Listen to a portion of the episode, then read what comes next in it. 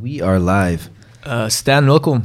Dank u. Welkom in de studio. Um, ik wil u bedanken om helemaal tot hier te komen in Antwerpen. yes. Um, jij bent voetbalmakelaar. Klopt. En, maar ook jurist of Ja. advocaat. Nee, jurist. Jurist. jurist. Hoe, hoe doe je die dan, die overgang van jurist naar voetbalmakelaar? Eh, zeer voorzichtig. Eh, ik was advocaat en eh, met het statuut advocaat eh, heb je een zeker aanzien. En met het statuut voetbalmakelaar heb je net het tegenovergestelde. Eh, dus daar is lang over getwijfeld, lang over gedaan. Ehm, maar eh, ja, de deontologie eh, laat of liet niet toe dat je tegelijkertijd voetbalmakelaar en advocaat bent. Ehm, en dan moest ik kiezen. Ah, dus dat mag niet. Nee, dat mag niet. Ah. Ehm, dus Oh. ik zat op een bepaald moment, was ik advocaat van Duchâtelet, eh, die Standaard onder andere had als club. En ik was ook de advocaat van Paul José en Poco. En op een bepaald moment eh, ja, moest ik eigenlijk, vond ik van mezelf dat ik moest kiezen. Ik zie nu heel veel advocaten dat niet doen, die ook voor clubs en voor spelers optreden. Maar ik vind als je echt voor spelers optreedt, dan moet je ook durven zeggen dat je voetbalmakelaar bent. En dan moet je ook zeggen wat je echt doet en, en je niet verschuilen achter een statuut dat het eigenlijk niet dekt. Ehm, dus dat was eh, niet makkelijk, omdat als je gewoon tegen je familie zegt dat je advocaat bent, denk je, oh, ja, wat een beroep. en als iedereen zegt, ja, je bent voetbalmakelaar, oh, pas maar op.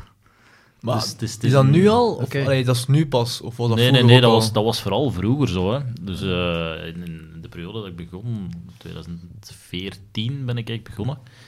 Ehm, toen hadden voetbalmakelaars zo mogelijk nog een slechtere reputatie. Ehm, en ik, ik was ook als advocaat vaak, op, ah, ik had vaak opgetreden tegen voetbalmakelaars, dus ik wist eigenlijk perfect wat ze deden. En dat is ook een van de redenen dat ik erin gestapt ben, omdat ik het niet zo wou doen. Ehm, maar toen hadden voetbalmakelaars nog een slechtere reputatie. Dat is ook allemaal bovengekomen met proper handen. En sindsdien is dat wel wat professioneler geworden. Of toch wat beetje transparanter geworden. Ehm, maar op dat moment was dat zeker niet zo. Op dat moment was dat echt een, ja, een beroep waar, waar je niet altijd met trots kon zeggen: Ik ben voetbalmakelaar. Eh, zeker niet omdat ik uit het advocatenmilieu kom, waar iedereen dan. Advocaat is een zeker prestige en notaris en dat soort juridische beroepen heeft altijd een zeker prestige. En voetbalmakelaar ja, is een beetje de, bij wijze van spreken, de rand van de maatschappij. Wat het ook soms echt wel is, moet ik zeggen. Ehm, maar bon, ja, eh, ik, vond, ik vind het leuk en ik vond het leuk. Ehm, en, en nu is het wel een, een beroep dat ik, waar- waarvan ik wel trots ben dat ik het doe. Ja, ja want als we bekijken van de, de, de Golden Generation hè, eh, van de Rode Duivels, veel hebben gebroken met hun makelaars. Ik denk Thomas Vermalen heeft problemen gehad. eh, Kevin De Bruyne heeft, eh, wat toch wel voor hem een vaderfiguur was op een bepaald moment, heeft dan ook gebroken. Ja, normaal gezien een voetbalmakelaar zou eigenlijk de meest de persoon zijn dat je het meeste kunt vertrouwen. En dat is toch wel een beetje... ja. Nee, dat, dat is gebleken. En, en, maar het- ja, dat heeft verschillende redenen dat dat niet zo is. Ehm, nu, als, als voetbalmakelaar moet je eigenlijk de belangen van je cliënt verdedigen. Ehm, maar was het probleem, als je een advocaat hebt, dan betaal je die advocaat. Als je een accountant hebt, dan betaal je die accountant. Ja. Maar een voetballer heeft een voetbalmakelaar. En wat gebeurt er? Die voetbalmakelaar wordt niet betaald door die voetballer. Die wordt betaald door de tegenpartij. Zijnde de club. En die clubs zijn ook niet dom. Dus wat doen die clubs? Die zeggen van, laten we nu gewoon een simpel voorbeeld, echt fictief voorbeeld, maar laten we zeggen, Kevin De Bruyne kon kiezen tussen Chelsea en Tottenham. Ehm, en die kan daar hetzelfde verdienen. Kevin is tevreden met wat hij daar verdient. En eh, Tottenham zegt tegen de makelaar, maar ja, kijk, eh, wij bieden je 1 miljoen euro commissie. En Chelsea zegt, ja, maar als je hem naar ons brengt, dan bieden we je 2 miljoen. Dan gaat die makelaar terug eh, naar- Tottenham om te zeggen ja, Chelsea biedt met 2 miljoen, wat doe je? En zo kom je eigenlijk in een opbod waar die speler niks van weet. En kan het zijn dat die speler geduwd wordt naar een bepaalde club die eigenlijk vooral voordelig is voor de makelaar. En ik denk dat dat soort problemen, dat die spelers eigenlijk nooit beseften wat er op de achtergrond gebeurde. Dus die dachten, die makelaar vecht voor mij. Maar eigenlijk was die makelaar vooral bezig met zijn eigen deal te maken. En, en dat blijkt uit al die dossiers. Dus ik denk dat inderdaad heel die generatie ja, eigenlijk door dat soort makelaars begeleid werd. En dat was ook de gang van zaken, want ik weet toen ik begon, lachten die makelaars mij ook uit. Die zeiden, zo ga je nooit geld verdienen. Als je eerlijk bent wat je verdient en als je, als je zegt dat er als er extra geld is, dat er een deel voor de speler moet zijn, eh, dat begreep die niet. Ook omdat die zeiden van de, de belangrijkste relatie die je hebt, is niet de relatie met die speler, maar is vooral de relatie met de club. Want vandaag sta je daar voor speler X. En is dat een moeilijke discussie, maar morgen moet je daar voor een andere speler staan. Ja, en dan heb je die club opnieuw nodig. Dus je moet eigenlijk niet te veel geven om die speler. Dat was eigenlijk het advies dat ik kreeg als beginnende makelaar. Ehm, het probleem dat ik had, was, dat waren mijn vrienden. Mm. De week nog zelf gevoetbald had. Dus het was heel lastig om, om dan te gaan zeggen, ja, kijk, ik ga niet eerlijk zijn, want ja, dan, dan verlies je ook je vrienden. En zo hebben we eigenlijk een reputatie opgebouwd van, kijk, oké, die werkt echt voor zijn cliënten. Ook op, gewoon omdat mijn vrienden waren. Ik was ook echt eerlijk over al die voorstellen.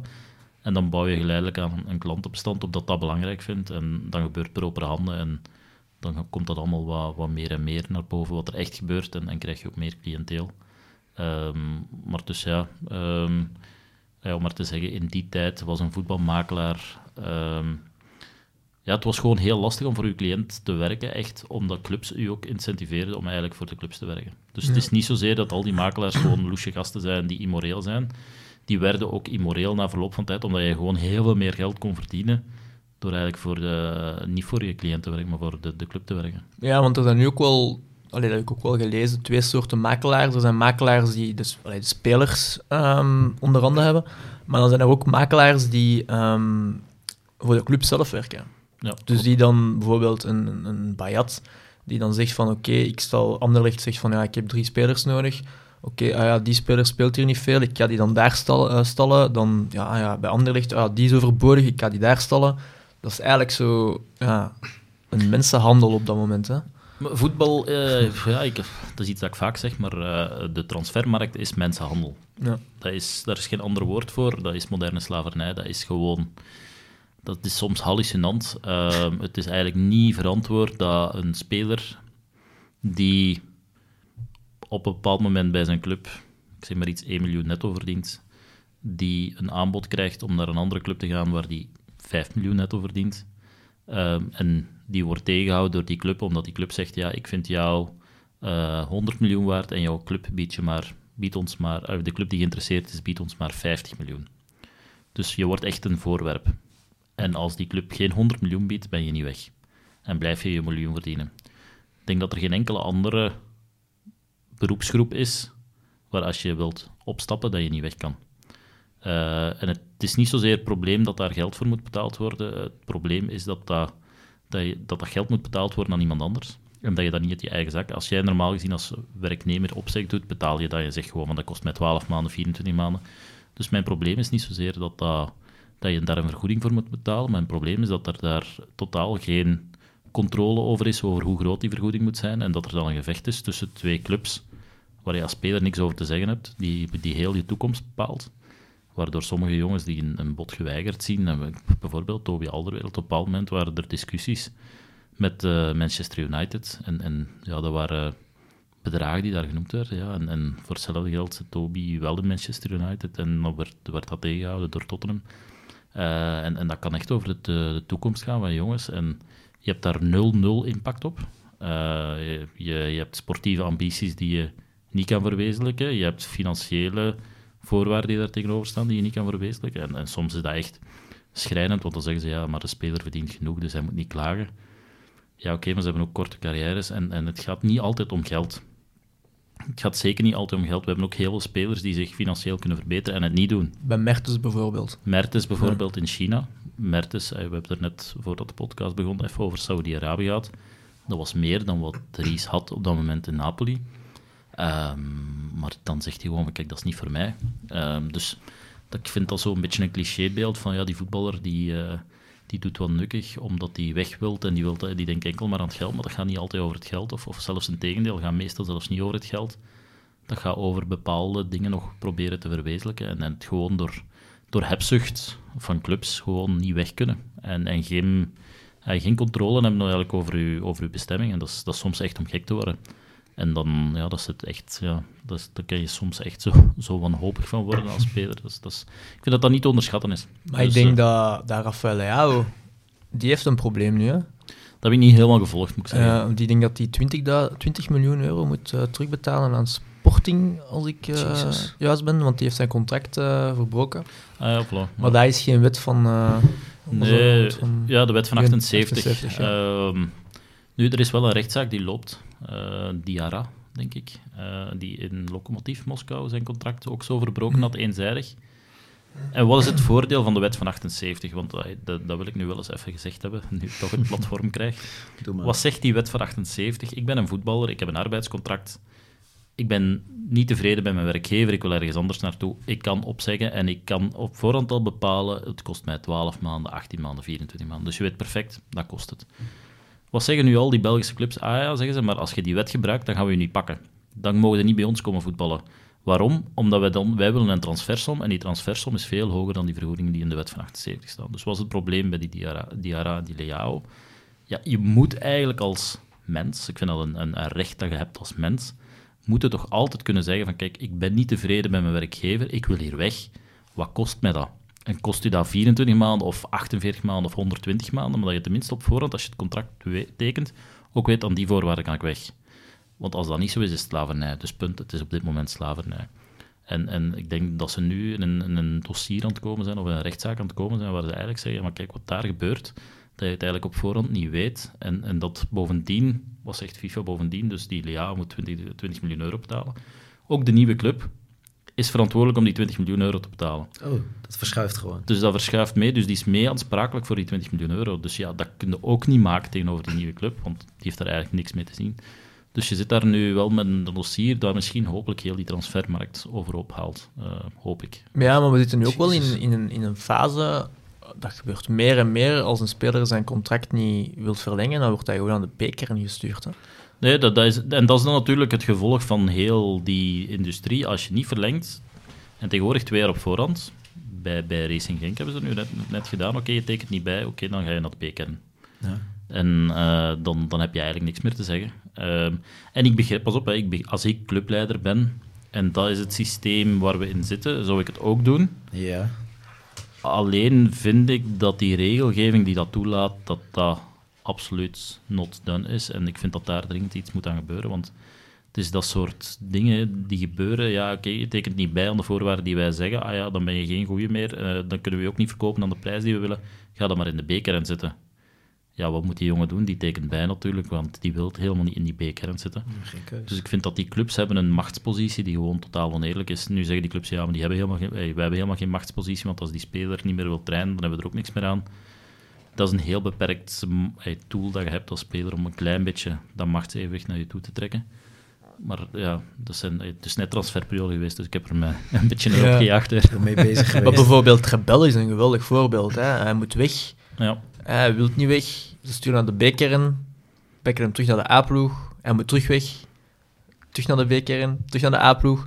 Dan moet het toch echt... Oké, ja, hij verdient wel, denk ik, 3 miljoen. Dus je kunt er wel iets voor over hebben. Maar dan toch... Allee, als speler zelf, dan voelt je toch wel...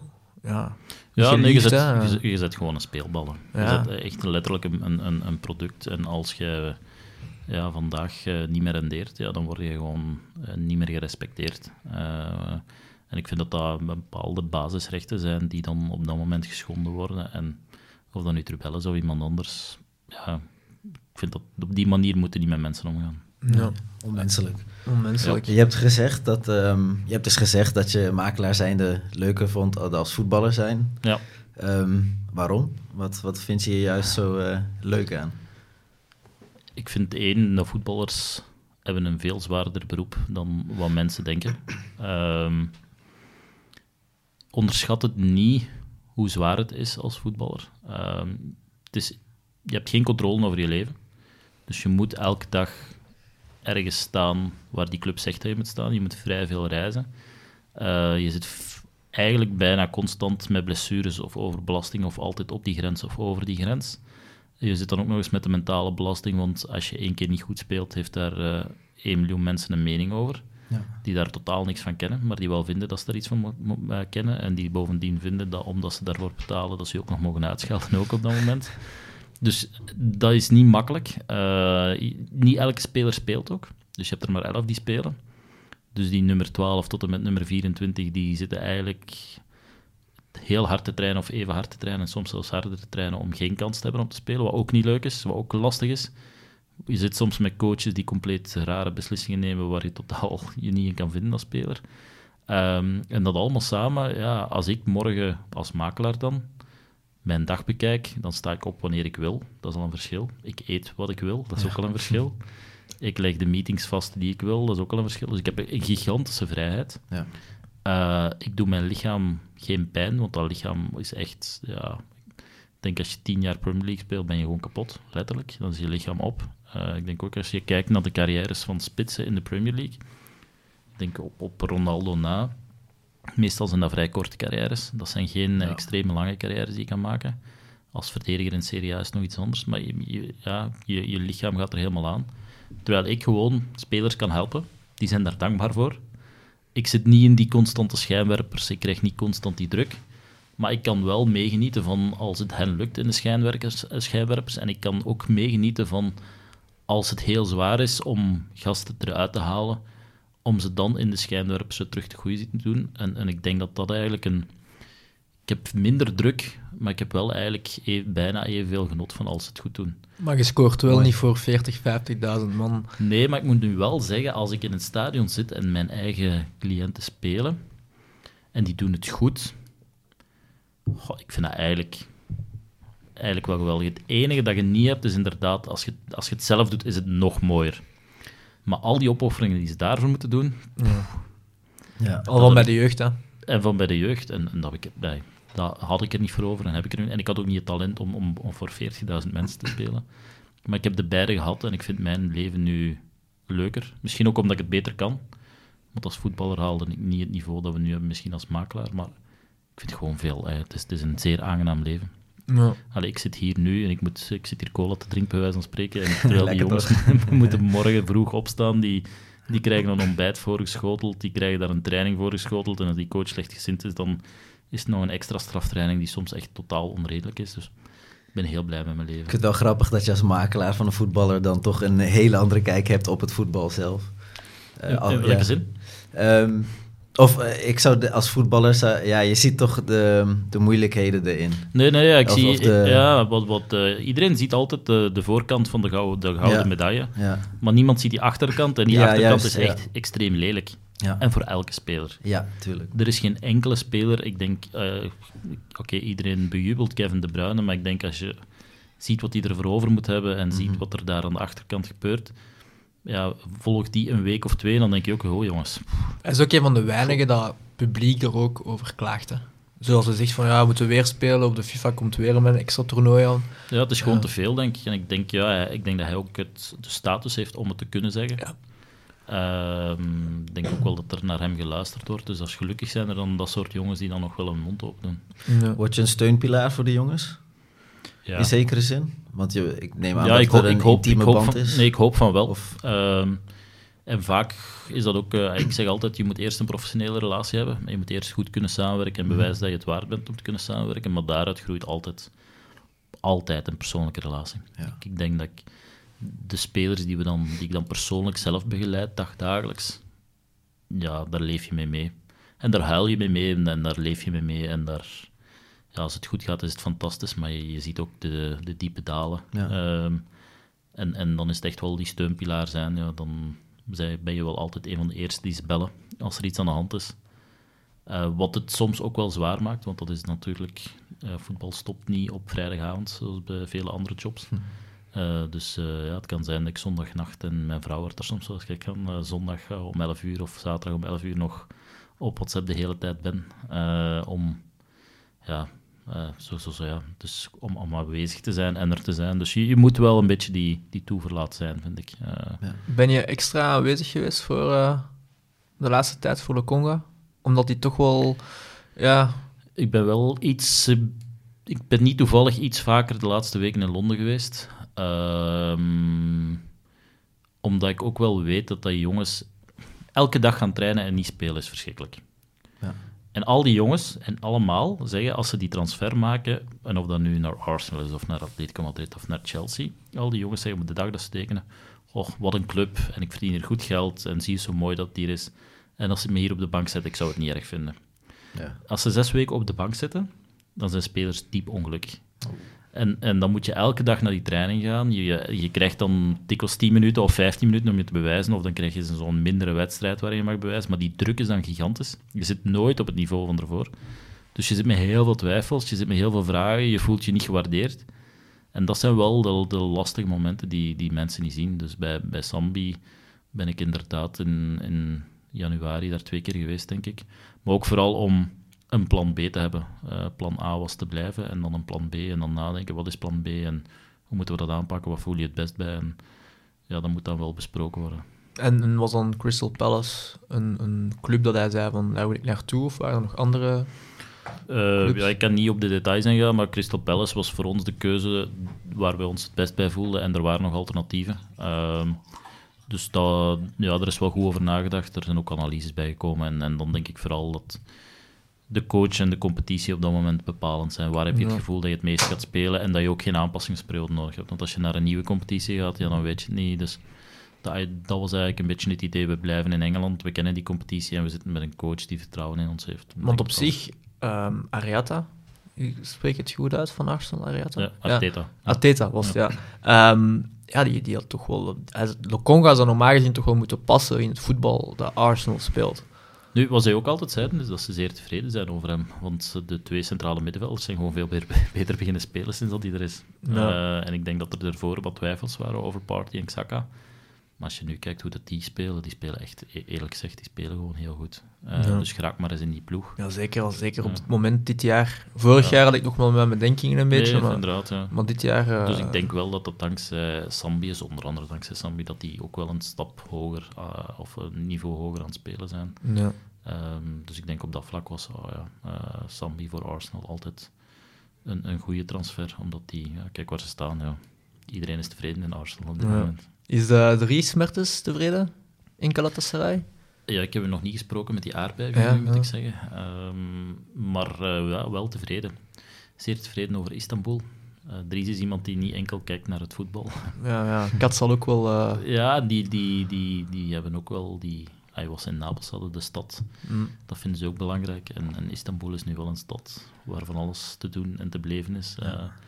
Dus uh, ja, het gaat ook goed met een zoontje. Dus ik, ik denk dat die heel gelukkig zijn. Ah, die zijn heel gelukkig. en wat, wat, was daar nu eigenlijk het probleem met Napoli? Was het echt gewoon puur van dat ze het geld ergens anders zouden spenderen? Of? Ik denk dat Napoli eigenlijk de strategische keuze heeft gemaakt. We gaan de kern verjongen. Um, en achteraf gezien hebben ze gelijk gekregen. Ja. Want die staan ook eerste. Um, dus ja, um, alleen wat mij daar een beetje storen is dat ze daar nooit eerlijk over geweest zijn. Ik vind dat je iemand met dat statuut beter moet behandelen en eerlijker moet behandelen en niet de indruk wekken dat je hem kost wat kost wilt houden als dat niet zo is.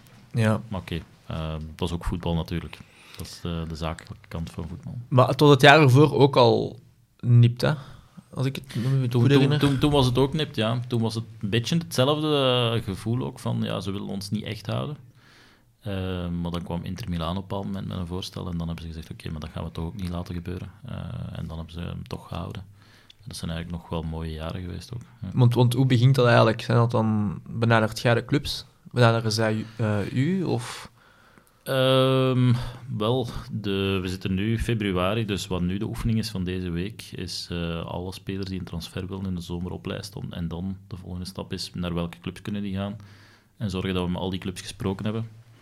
Um, ik heb dan een keer geanalyseerd voor de transfers van dit jaar. Dus we hadden 60 transfers dit seizoen.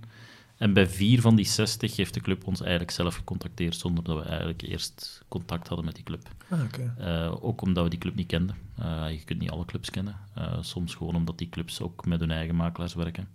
En dat je eigenlijk gewoon die club niet zelf binnenraakt. Dus dat er altijd iemand tussen zit. Um, dus de, oh, wat wij proberen te doen is wel ervoor te zorgen dat de spelers die zeggen we willen graag een transfer maken, dit zijn de clubs waar we eventueel naartoe kunnen, uh, dat we die wel allemaal contacteren. Ja, of het liefst face-to-face mee samenzetten. Maar belt die club u dan op? Of is dat een e-mail? Of, of is dat een sms? Of... Uh, het eerste contact zo? Staan ze aan de deur? Nee, aan de deur gaan ze nog niet staan. maar wat nu gebeurt is, uh, ofwel sturen ze mij via WhatsApp, uh, ofwel sturen ze nu tegenwoordig, ik heb nu vandaag een bericht gezien van een Italiaanse topclub die de speler via Instagram had gecontacteerd om oh. te zeggen van kijk, met welke makelaar kunnen we spreken. Oh, okay. uh, rechtstreeks nu? Uh, ja, rechtstreeks. Ja. Ehm, dus dat gebeurt. Wat ook ja, soms vreemd is. Ja, hoe komt dat soms clubs bij de spelers rechtstreeks gaan verifiëren, omdat er daar heel veel makelaars zeggen ik ben de makelaar. Zeker bij jonge spelers, het ging over een jongere speler. Eh, Heb je, veel mee te maken? Heb je daar veel mee te maken? Ja, dat, dat er echt eh, fraude is? eh, ja, eh 7 op 7. Oké. Echt hallucinant. Ja. Ja, echt? eh, Dat, dat is echt de jungle. Dat is Ja. echt makelaars die, die pretenderen de makelaar van de speler te zijn, of die pretenderen met ons samen te werken, of die pretenderen voor ons bureau te werken. Of ja, dat is, en, ja, dat is echt een jungle. Heb je er zelf mee te maken gehad? Constant. Ja? Echt constant. Wauw. Maar ja, maar we spreken nu over, over de makelaars, maar er zijn ook bepaalde spelers die eh, totaal geen talent hebben, maar zich toch wel bij bepaalde clubs binnen hebben gepraat. Ik weet dat je dat verhaal kent van die, die Fransman, dat zo echt bij vijf, zes verschillende clubs heeft Ah, waar. gespeeld. Ja, die is Ja. van club naar club gegaan, maar die kon totaal niet shotten. Maar die, Ah, die, ja, die verkocht dat zo. Ja, Echt? ja, ja, en nu, ja, die wordt nu aangeklaagd. Ja, ja tegen, vroeger, hadden- allee, vroeger was Ja, dat echt... vroeger was dat ja, anders. vroeger was dat echt anders. Ja. Dan kon je nog zo'n video maken waarin het leek dat je de Ja, nieuwe ja. Messi was. Maar Oh, op die manier. Ehm, bijvoorbeeld een Ryan Bonida. Je zit niet bij u. Nee. Ehm, 16 jaar en hij kan naar Ajax. Zou je zeggen, eh, wat zou jij aanraden? Situatie meegerekend dat Anderlecht toen was, hè? niet nu, maar toen met Company. Mijn advies is altijd blijf bij je club waar je zit, als je daar gelukkig bent. Ehm, voor- onder de voorwaarde dat je snel in de eerste ploeg kan spelen. Dus ik denk dat voor een Bonida Anderlecht altijd een goede keuze was. Maar ik zeg ook wel, en dan zie ik wat er met Toby gebeurd is in eh, Ajax. Als je Ajax kan doen, moet je ook altijd goed nadenken of je het toch niet wilt doen. Want als je Ajax het goed doet, dan kan je de wereld veroveren. Als je het bij Anderlecht goed doet, dan is een transfer naar Arsenal en hopelijk daar in de breedte gehaald worden al een succes. Terwijl als je het bij Ajax goed doet, haalt Arsenal jou als basisspeler. Ja. Eh, dus Ajax is een stap hoger. Maar Ajax is ook extreem hard. Amsterdam is hard. Ehm, dus als jonge Belg zou ik mijn advies altijd zijn: van, ik heb liever dat je bij Anderlecht blijft. Maar als je het toch doet, ja, Ajax is wel het allerhoogste voor een jonge voetballer. Ja. Ehm, alleen is het ook het allerhardste voor een jonge voetballer. Dus het heeft ook voor- en nadelen. Ik vind altijd dat je voor de veiligheid moet kiezen. Nu is het wel veranderd. Vroeger zei ik altijd, ja, Ajax en, en PSV is beter, omdat je met jong Ajax en jong PSV kan je een keukenkampioen-divisie spelen. En Nederlandse tweede klasse. En dat had België niet, en dat heeft België nu sinds kort wel. Dus ik denk dat nu dat, dat voordeel van Nederland wel wat wegvalt. Dus we hebben nu een jongen gehad, die, die Caretsas, en die is naar, naar Genk gegaan, die komt Ja. ook naar Ajax. En die kiest er gewoon om dicht bij zijn thuis te zijn. En ik vind dat eigenlijk ook gezond. Ah, wel, ik ben eigenlijk blij dat je erover begint. Ah, Ja, waar? ja, want ik ben fan van Anderlecht. Here we En go, ehm, sorry. vandaag is er eh, toch wel een... eh, ja, ja, het is hard. Het is Mhm. pijnlijk. Eh, maar ik had vandaag eens een artikel uitgekomen van Van den Auto. En eh, blijkbaar, daar stond in dat uh, Car Carretas, eh, met zijn vader bij Van den Auto zat om dan eh, te bespreken over zijn toekomst. En dat Van den Auto meer praatte over ehm, hoe stijf is dan dat hij zelfs niet eens de naam kende van de speler in kwestie.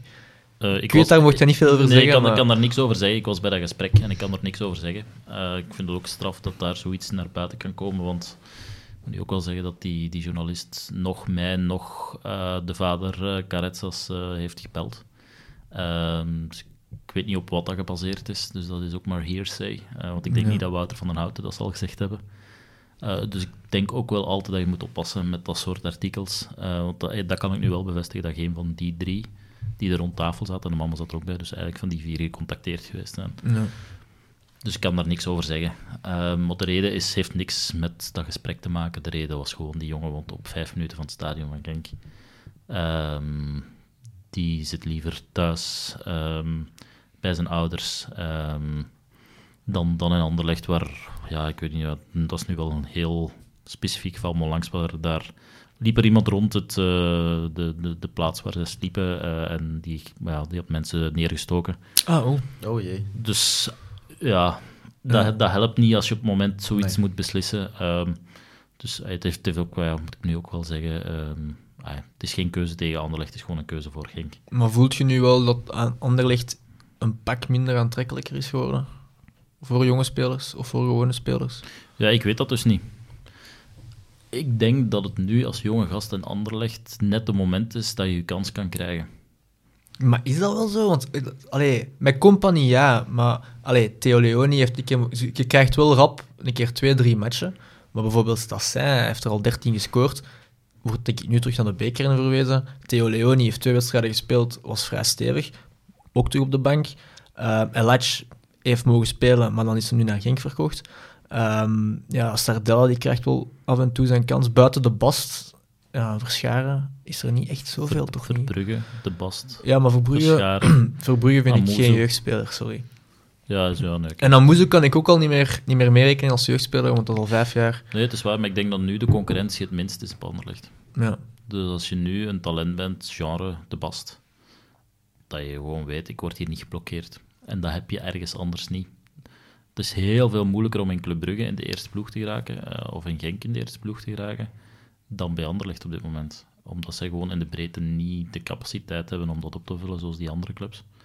Um, maar het geluk natuurlijk wel is, ja, Club Next en, en Jong Genk, ja, dat die daar wel, die jongens daar ook wel een kans kunnen krijgen. Maar, maar als je nu... Ik zou nu niet, ah, ik vind niet dat je op nu Anderlecht moet zeggen van, kijk, Anderlecht is niet meer goed. Ik denk dat qua talentpool, talent dat er is rondom Brussel, zal Anderlecht altijd interessant blijven. Ik zie die jongens niet zomaar vertrekken naar Genk of naar Anderlecht, eh, naar uh, Club Brugge. Ik denk dat die jonge jongens uit de buurt altijd wel daar zullen doorgroeien en er zullen altijd talenten zijn. Alleen, ja, denk ik, Anderlecht is nu ja, van, van ja, het roer aan het omgooien en een andere richting aan het uitgaan. En dat is altijd afwachten hoe dat gaat en dat zorgt wel voor onzekerheid. Maar ik moet nu wel zeggen dat de mensen die daar nu zijn, uh, dan heb ik het over Fredberg en Riemer, die heb ik ook gesproken, ook onder andere over Caretsas hebben die ons gezien. Ik moet wel zeggen, die maakte wel indruk. Ja. Um, en dat was heel duidelijk. Alleen ja, die moeten nu ook opnieuw beginnen en dat is van nul beginnen. En dan is er altijd, zullen er altijd spelers zijn die om die reden misschien vertrekken.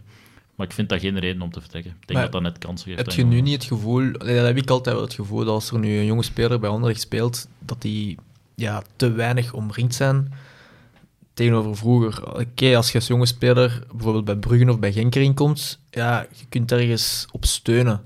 Nu komt er heel veel druk op die jonge jongens terecht. En ja, als er niet echt die leidersfiguren zijn, of ja, oké, okay, Jan Vertongen is er wel, maar ja... Jan Vertongen je moeilijk zeggen dat dat niet... Uh... Ja, ja, ja, maar allee, op, allee, moet dat uitleggen? Er staat precies geen ploeg rond. En daar, dat is het, denk ik een beetje het probleem bij die jonge jongens. Voor een de Bast is dat geen probleem, maar voor een, een speler als Theo Leoni of, of die hebben echt zo ja, een ploeg nodig rond hun, denk ik. Ja, misschien wel, maar misschien zegt het dan ook wel iets over de kwaliteit van die spelers in kwestie dan. En, want een De Bast doet het wel.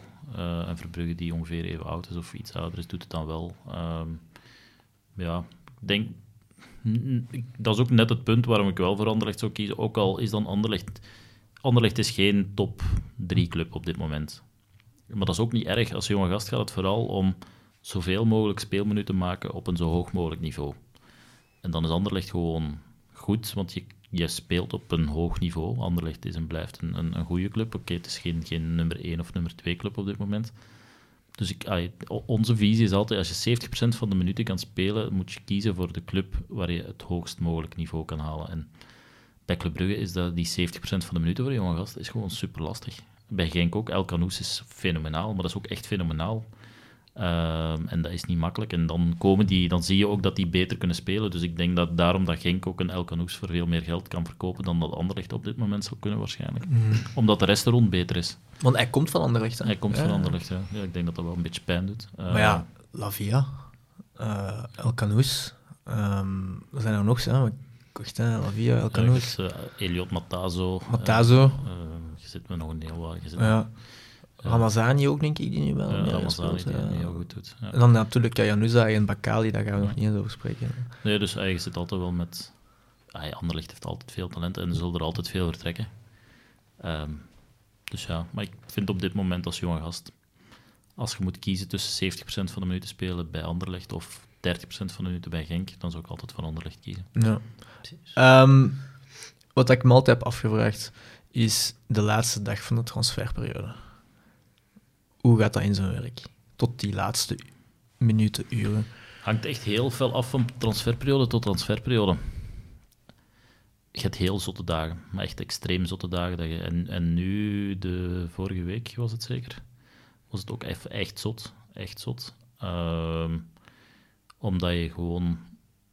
Ja, oké, we wisten dat Sambi dat dat wel in orde ging komen. Dat wisten we van, denk ik, zondag begon dat vooruit te gaan. En ik denk dat de deadline dinsdag was, dus je wist, oké, ik heb hier nog wel tijd. Ehm, maar dan beginnen er ook andere dossiers, zoals van Krombrugge, eh, die plots uh, naar Nottingham Forest kan. Ehm, je zit met andere spelers die een transfer geblokkeerd zien om reden dat je denkt van wat is dit hier? En, en Dries Wouters die kon ook weg uh, op een bepaald moment bij, bij Mechelen, maar dat wordt dan geblokkeerd door een club dat je echt denkt van hoe kan dat hier nu geblokkeerd worden? Ehm, dus zo'n dag verloopt heel onvoorspelbaar. Dat, is van thuis uit, hè? Ja, nee, dus die dag, de laatste dag, ben ik om negen uur vertrokken om naar Lille te rijden, om daar de trein te pakken en naar Londen, om daar naar het ziekenhuis te gaan waar de medische testen van Sambi waren. En ik denk dat als ik in Londen toekwam, was het twee uur, dan belde Nottingham, terwijl we eigenlijk met Nottingham al dagen bezig waren. Oké, we willen hem toch, uh, rond het maar af. Maar ja, plots gaat dat dan heel snel voor zo'n speler. Ja, dus die speler zegt ook, ja, hoe zit dat hier nu? Uh, Anderlecht begint u onder druk te zetten, want die zeggen, ja, maar uh, dat is een duur contract, die moet weg, we krijgen daar mooi geld voor, dus maak maar dat hij weg is. Intussen ben je met Sambi bezig, die daar zijn medische testen aan het doen is. Dus die, die, dat contract moet je ook afronden, dan lopen er dan nog dingen niet helemaal zoals het moet in, op, uh, in die documenten. Dan heb je nog een speler zoals met Dries Wouters die plots geblokkeerd wordt. Die zit nog met een transfer uit Orlando die nog niet helemaal afgerond is, dus dan gebeurt er plots heel veel. Um, dus soms zijn dat dagen die echt heel gek zijn en die heel hectisch zijn. En die, die honderden telefoon, letterlijk honderden telefoontjes op een dag. Uh, ik, heb met Cyril Dessers, ja, dat is denk ik een bekender verhaal, uh, vorige zomer zeker, of de zomer daarvoor. Um, vertrokken wij s morgens uh, naar Madrid om te tekenen bij Leganes. En de ochtend zelf zitten we op de luchthaven samen, belt Antwerpen en zeggen van kijk, oké, okay, wij willen hem nu en we bieden het dubbele van wat hij nu heeft in Genk. En zeggen van ja, we gaan nu vliegen. dus ja, ja, nee, blijf maar hier. We, ik zei ja, nee, we gaan toch dat vliegtuig pakken, want ja, hebben we een akkoord met Genk? Nee, er is nog geen akkoord met Genk. Oké, tegen dat jullie landen, hebben we een akkoord met Genk, belt de trainer met Cyril en kom er maar af, uh, vlieg er maar terug. Dan, ja, Cyril we landen, Cyril belt met die coach. Hij zei, ja, raar gevoel, ik weet toch niet helemaal of ze ervoor gaan. En plots vraagt ging denk 250.000 euro meer aan Antwerpen. Antwerpen zegt dan is er geen deal. Waardoor we daar op die luchthaven zitten te wachten. Ja, is er nu een deal, is er geen deal? Ja, wachten, wachten, wachten. Plots wordt daar Samatta aangekondigd bij Antwerpen. En dan zeggen we, maar ja, als Samatta komt, dan gaat Cyril niet komen. En intussen zit Leganes ook te wachten op ons. En Leganes begint ook nerveus te worden, want die zeggen van, ja, ga je nu naar Antwerpen of ga je hier tekenen? Maar die hadden ook een plan B. En die, dat plan B was blijkbaar al medisch testen ook aan het doen. Dus je zit daar op die luchthaven. Ja, oké, okay, Paul men zegt Antwerpen, we gaan het niet doen. Zegt Leganes, ja, we gaan het ook niet doen. Dus zitten we daar met de rit zonder club op de laatste dag. En dan is het rondbellen en is de Nottingham Forest was op dat moment ook nog teruggekomen. Dan is het echt rondbellen van hey, dan is het echt van wie, wie, wie, kan er wel nog? Gebeurt er ja, Antwerpen toch pushen om iets te doen? Uh, dat je toch dat hebt, Leganes toch pushen. Uh, dan belde Frank Arnezen nog eens terug, want Arne Slot had die ochtend ook al naar Cyril gestuurd. van kijk Cyril, misschien is er toch iets mogelijk. Uh, Frank zal wel bellen, uh, maar Frank belde niet en dat duurde lang. En dan denk ik dat vier, vijf uur in de namiddag was, dat we eigenlijk wisten, oké, okay, misschien gaan we toch maar naar Feyenoord dan. Oh. Uh, maar ja, we raakten niet meer in Feyenoord. Dan hebben we nog private chats gecheckt om er toch te geraken. Maar we zeiden van, ja, ik doe het maar zonder medisch testen. We hebben de fysio van Genk, kent de fysio of de clubdokter van Feyenoord, dus we vertrouwen erop. Dus we hebben dat document dan gewoon getekend in in Madrid in een hotel, zonder enig contact met de club. Uh, dus dat was een beetje... Maar soms is er ook gewoon een dag waar niks gebeurt. Dat er echt 0,0 gebeurt. En dat je gewoon met je vingers zit te draaien. Dat mag wel, denk ik, of niet? Uh, ja, dat, dat mag soms wel. ja, want die, die, die dagen zijn wel extreem. Dat is echt recupereren. Is het een moeilijke positie waar je in zit, omdat je tussen club en speler zit? Want je zei, soms moet je ook wel goed zijn met de club, want je hebt die misschien later nog nodig. Op dat moment, die deadline day, moet je wel een netwerk hebben. Als je dan geen netwerk hebt, ben je eraan. Als je dan niet mensen kan bellen, dat je zegt van kijk, ik zit hier met die situatie, of wie, voor wie kan nog interessant zijn, dan hang je er echt aan. Uh, dan, dan hang je echt wel af van netwerk. Um, en en dat is, dan ben je wel blij dat je niet een beginnende makelaar bent, want dan sta je gewoon in Madrid en dan sta je daar en kan je niemand bellen. Um, terwijl, ja, Dus dat is wel heel stresserend. Ehm, en dan heb je clubs nodig. En dan heb je relaties nodig. Eh, en en ja, dan, dan, dan zie je ook wel dat relaties op die laatste dagen er echt te doen. Eh, en die echt het verschil kunnen maken van... Ja, en, en dat zijn soms domme dingen. Ehm, ah, bijvoorbeeld Nottingham Forest, op het moment dat die voor Van Krombrugge gaan, hebben die 15 mensen in België gekend die mij toevallig kennen. Eh, en die dan positief over Hendrik spreken. En, en dan hang je af van wie bellen ze op dat moment. Ja. En kennen die jou, gunnen die het jou? Want dan gaat het ook over de gunfactor. Dat is ook een kwestie. Gunnen die het de speler? Eh, want misschien bellen ze naar een concurrerende makelaar die je niet moet. Ja, en dan is het lastig. Eh, dus die, die dag is wel, wel de, de dag dat je netwerk echt tot leven komt. En Ja, ja. dat iedereen nog belt en dat iedereen nog zegt van ik heb dit nog, of dit is gebeurd, wat moet ik doen? Dus dat zijn wel 100% stressdagen. Dat zijn de leukste dagen. Ik denk dat ik naar Cyril, naar Cyril gestuurd heb eh, op 31 januari. Cyril, ik heb hier weer een mooie dag. Eh, en ja, die dag met Cyril is zo wel iets, dat blijft wel bij. Maar nu was het ook wel echt, omdat ik dacht van shit, ik zit hier in Londen en ik moet naar Nottingham, hoe gaan we dat hier fixen? En Ja. eh, dat was dan nog eh Anderlecht die niet blij waren en dan nog een andere deal tot leven gekomen. En dat is echt, ja, wel echt heel leuk. Maar uiteindelijk is er niks gebeurd hè, met Van Kombrugge? of? Nee, Van Krombruggen Ja. heeft gezegd van ja, kijk, ja, ik, eh, het gaat mij eh, niet te snel, maar hij zei van ja, het is niet 100% wat ik zoek. Ehm, en dan heb ik ook gezegd van ja, kijk, dan, dan niet. Ehm, wat niet ideaal was voor Anderlecht. Ehm, En voor hem ook natuurlijk, hè, want... Ja, voor Hendrik, ja, oké, maar ja. Nottingham is ook denk ik de club met de meeste transfers, denk ik, dit jaar. Ja, ja. Dus Hendrik is nog wel van de stabiliteit en de rust en eh, een intelligente jongen. Dus die laat zijn eigen ook niet verleiden tot, tot gekke dingen op die laatste dag. Eh, en dat siert hem wel. Ja. Dus, eh, er zijn weinig spelers die op dat moment, wie je op dat moment zo'n nuchtere conversatie kunt hebben als met Hendrik. Eh, de andere die zou helemaal gek worden en die is cool. Dus dat is ook wel, ja, ook wel mooi. Oké, ja. Eh, we zijn er bijna. Bijna. Maar ik kan nog één vraag stellen, want ehm, dat is ook iets wat ik me altijd al afvroeg. Eh, als er iemand bij u komt en die zegt van ik wil voetbalmakelaar worden, of ze komen solliciteren bij u, want dat- zo werkt u, hè. u bent eh, de hoofdtal, maar er zijn nog andere voetbalmakelaars die onder u werken. Onder mij niemand.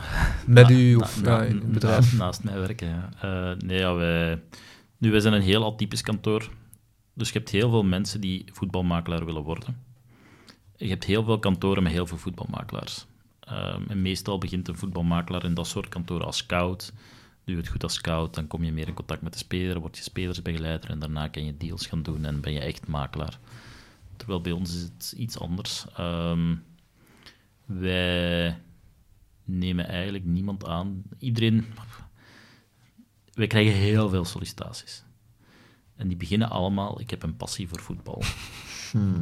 En ik zou heel graag voetbalmakelaar worden en ik ben een geboren onderhandelaar. Nu, ik geloof al niet in een geboren onderhandelaar. Dat is al één, maar oké, dat zeggen ze wel allemaal dat ze dat zijn.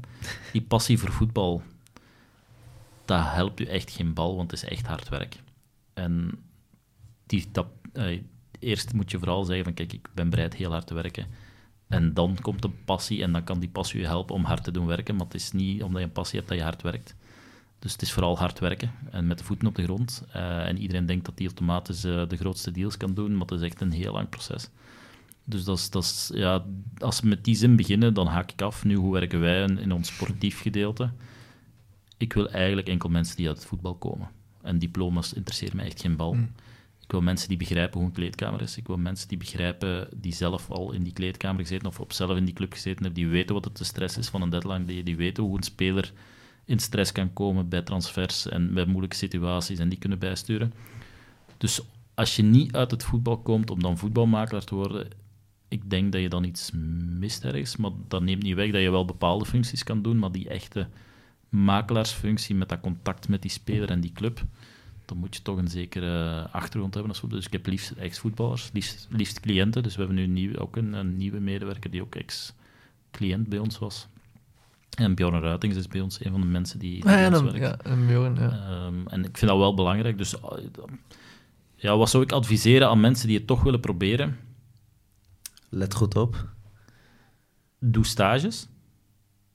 En die stages kunnen gerust onbetaald zijn. En ik weet dat heel veel mensen zeggen, ja, maar je moet je ook niet laten uitpersen, want als je voor niks werkt... Maar Dat kan bij u. Een stage wij onbetaald. hebben mensen... Ja. Ik denk dat alle mensen... Nee, niet alle mensen, Iets maar voor jou. Nee, nee. we hebben heel veel mensen die bij ons stage gedaan hebben. Een zomerstage. op het administratief-juridisch departement, die toch allemaal wel vrij goed terechtgekomen zijn. Dus ik merk wel dat de mensen die bereid zijn om dan... En eigenlijk is dat niet het vuile werk, want dat is het vuile werk is wat ik elke dag doe. Ja, ja. Maar die mij gewoon komen helpen bij het vuile werk, dat die dan toch carrière maken. Thibaut Dossier is legal counsel van Anderlecht. Dus die heeft bij ons een stage gedaan. Dus heeft een paar weken rondgelopen bij ons. Eh, Laurens van Loveren heeft bij ons een stage gedaan. Ik denk dat hij scout is bij Anderlecht. Arthur Melon is secretaris bij Serrain. Niels Verborgen sportadvocaat geworden. Ehm, dus je ziet wel dat al die mensen die een stage doen bij ons, of veel toch, altijd wel een weg vinden. Maar ik vind dat je die mindset moet hebben van, kijk, oké, ik doe wat er ook... Dat is een beetje de American way of life. Ik begin helemaal onderaan. Ik zit er niks meer om hard te werken. Ehm, en dan zien we wel waar we geraken. En ik vind mijn weg wel, een beetje connecting the dots. Ehm, en, en zo heb ik ze het liefst. Ehm, maar mensen die denken dat het gewoon wedstrijdjes kijken is en een passie voor voetbal, Niet dus. echt, echt niet. Maar oké, dus ja, ik weet nog altijd niet hoe, hoe moet je er dan aan beginnen, want dat is uiteindelijk de vraag. hè. Mijn advies is, ga eerst drie jaar in een, de best mogelijke job voor je werken. Zorg dat je ergens een kwaliteit opbouwt die in het voetbal niet aanwezig is. En er zijn heel veel dingen die in het voetbal niet aanwezig zijn. Dus als je bij een Big Four, PwC, whatever, of een groot advocatenkantoor kan werken en je bouwt daar ervaring op, dan leer je dingen. Want als je in het voetbal begint, wat mensen overschatten is, het voetbal is de woestijn. Dat is heel amateuristisch. De manier waarop de meeste clubs werken is echt heel amateuristisch. Dus als je dan in een goed bedrijf gewerkt hebt en daar ervaring hebt opgebouwd, dan kan je met die ervaring een club professionaliseren of een makelaarskantoor professionaliseren en dan wordt je interessant. Hm. Dus ik zou zeggen, doe eerst die ervaring, probeer naast, een beetje wat jullie doen, jullie werken, maar daarnaast zijn jullie hiermee bezig en daar komt wel iets uit op een of andere manier Ja. bekijk het op dezelfde manier. En ik denk dat dat de manier is. En op een Mm. bepaald moment begint, begin je aan minder en min- minder je dagjob te doen, maar meer en meer eigenlijk je passie. En dan is het echt wel passie, maar dan heb je wel echt gewerkt voor je passie te kunnen realiseren. En ik denk dat dat eigenlijk de kunst is. En dan geloof ik wel sterk in, in de Steve Jobs eh, Connecting the Dots. En, en dan komt het wel. En dan zie je dat... Even, zo ben ik, heb het zelf ook gedaan. Hè. Ik ben ook eh, in in een kleiner advocatenkantoor gaan werken om wat meer voetbal te kunnen doen. Waarbij ik eigenlijk bijna niet toe kwam. Ehm, waarbij je dan op een bepaald moment toch een deal doet waardoor je iets meer verdient. En zo kan je dat dan herinvesteren en zo groei je wel. En ik, ik hou van mensen die dezelfde mindset hebben, die zeggen van kijk, geld interesseert me niet, maar ik wil dat doen en ik wil er hard voor werken. En op termijn komt er wel op een of andere manier geld uit. Dus als die stage is en ik krijg mijn onkosten vergoed, dan is dat oké voor mij en dan zien we wel. En dan, dan verwijzen wij die mensen ook wel door. Want wij krijgen heel vaak vragen van clubs, heb je niet die, nog een scout of heb je niet nog een jurist? En dan kunnen we altijd mensen aanbevelen. En ik denk dat dat de manier is om te doen. Maar het is beter om eerst ergens goede ervaring te hebben, zodat je als je ergens binnenstapt ook iets kan bijbrengen. Want als je gewoon een van de velen bent die amateuristisch gaat werken en die van de schoolbank komt, en dat overschatten ook de studenten, als je van de schoolbank komt, ken je niks. Mm. En dat is iets dat Daarom zijn dat wij nieuwe- niet gestudeerd hebben, dat is wel Dan ben je nog niet in de echte wereld. eh. ja. Nee, dus ja, dat, dat, dat, dat is de realiteit. Ja? Die, ja, Ja. Ik heb acht jaar gestudeerd, eigenlijk kon ik niks. Ja. Ik heb recht, Dat is een hele andere set of skills dat je Ja, nodig hebt. Vandaar dat ik ook zeg van, kijk, mensen die bij ons komen werken, ik, diploma interesseert me niet, je moet het toch leren. Ja. Eh, en en ik, wij, wij, wij- ik denk dat eh, drie of vier mensen zonder diploma, maar we zijn daar echt super tevreden over. En die mensen die, die kunnen werken en die hebben bepaalde skills die je gewoon niet ergens vindt. En vaak gaat het dan over in onze wereld skills van hoe denkt een speler, hoe denkt een club, hoe kan ik een deal opzetten, hoe kan ik een speler helpen. En dat leer je niet op de schoolbanken. Nee. Dus hoe kan je voetbalmakelaar worden? Ja, door eigenlijk goed gevoetbald te hebben en daarnaast een paar skills om een netwerk uit te bouwen in de voetbalwereld. Dat is denk ik de manier. Oké, dat is een, eh, Zo. een mooi einde. Ehm Stijn, ik zou je echt willen bedanken. Ik vond het heel interessant. Ik vond het heel leuk gesprek. Goeie babbel, Eh, goeie babbelaar, inderdaad. Eh, ik hoop dat we dat ooit nog eens kunnen doen. Ja. Ehm, ik wens u heel veel succes. Dank u. Ehm, alleen nog meer succes dan dat je nu hebt eigenlijk. En eh, ja, ik zou zeggen tot de volgende. Ja, dank u wel. Dankjewel. Ciao.